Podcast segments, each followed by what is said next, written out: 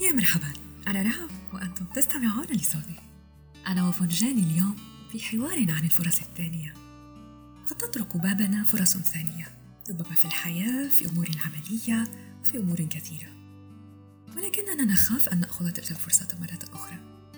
هل لأننا مررنا بتجارب كانت صعبة ولا نود الاختبار مرة أخرى؟ أو أن هذه الفرصة تطرق بابنا مرة أخرى لتعطينا فرصة لنبدع؟ لنختبر شيئا جميلا. قد يكون بداية شيء جميل في حياتنا ولكن التردد والخوف يعيقنا.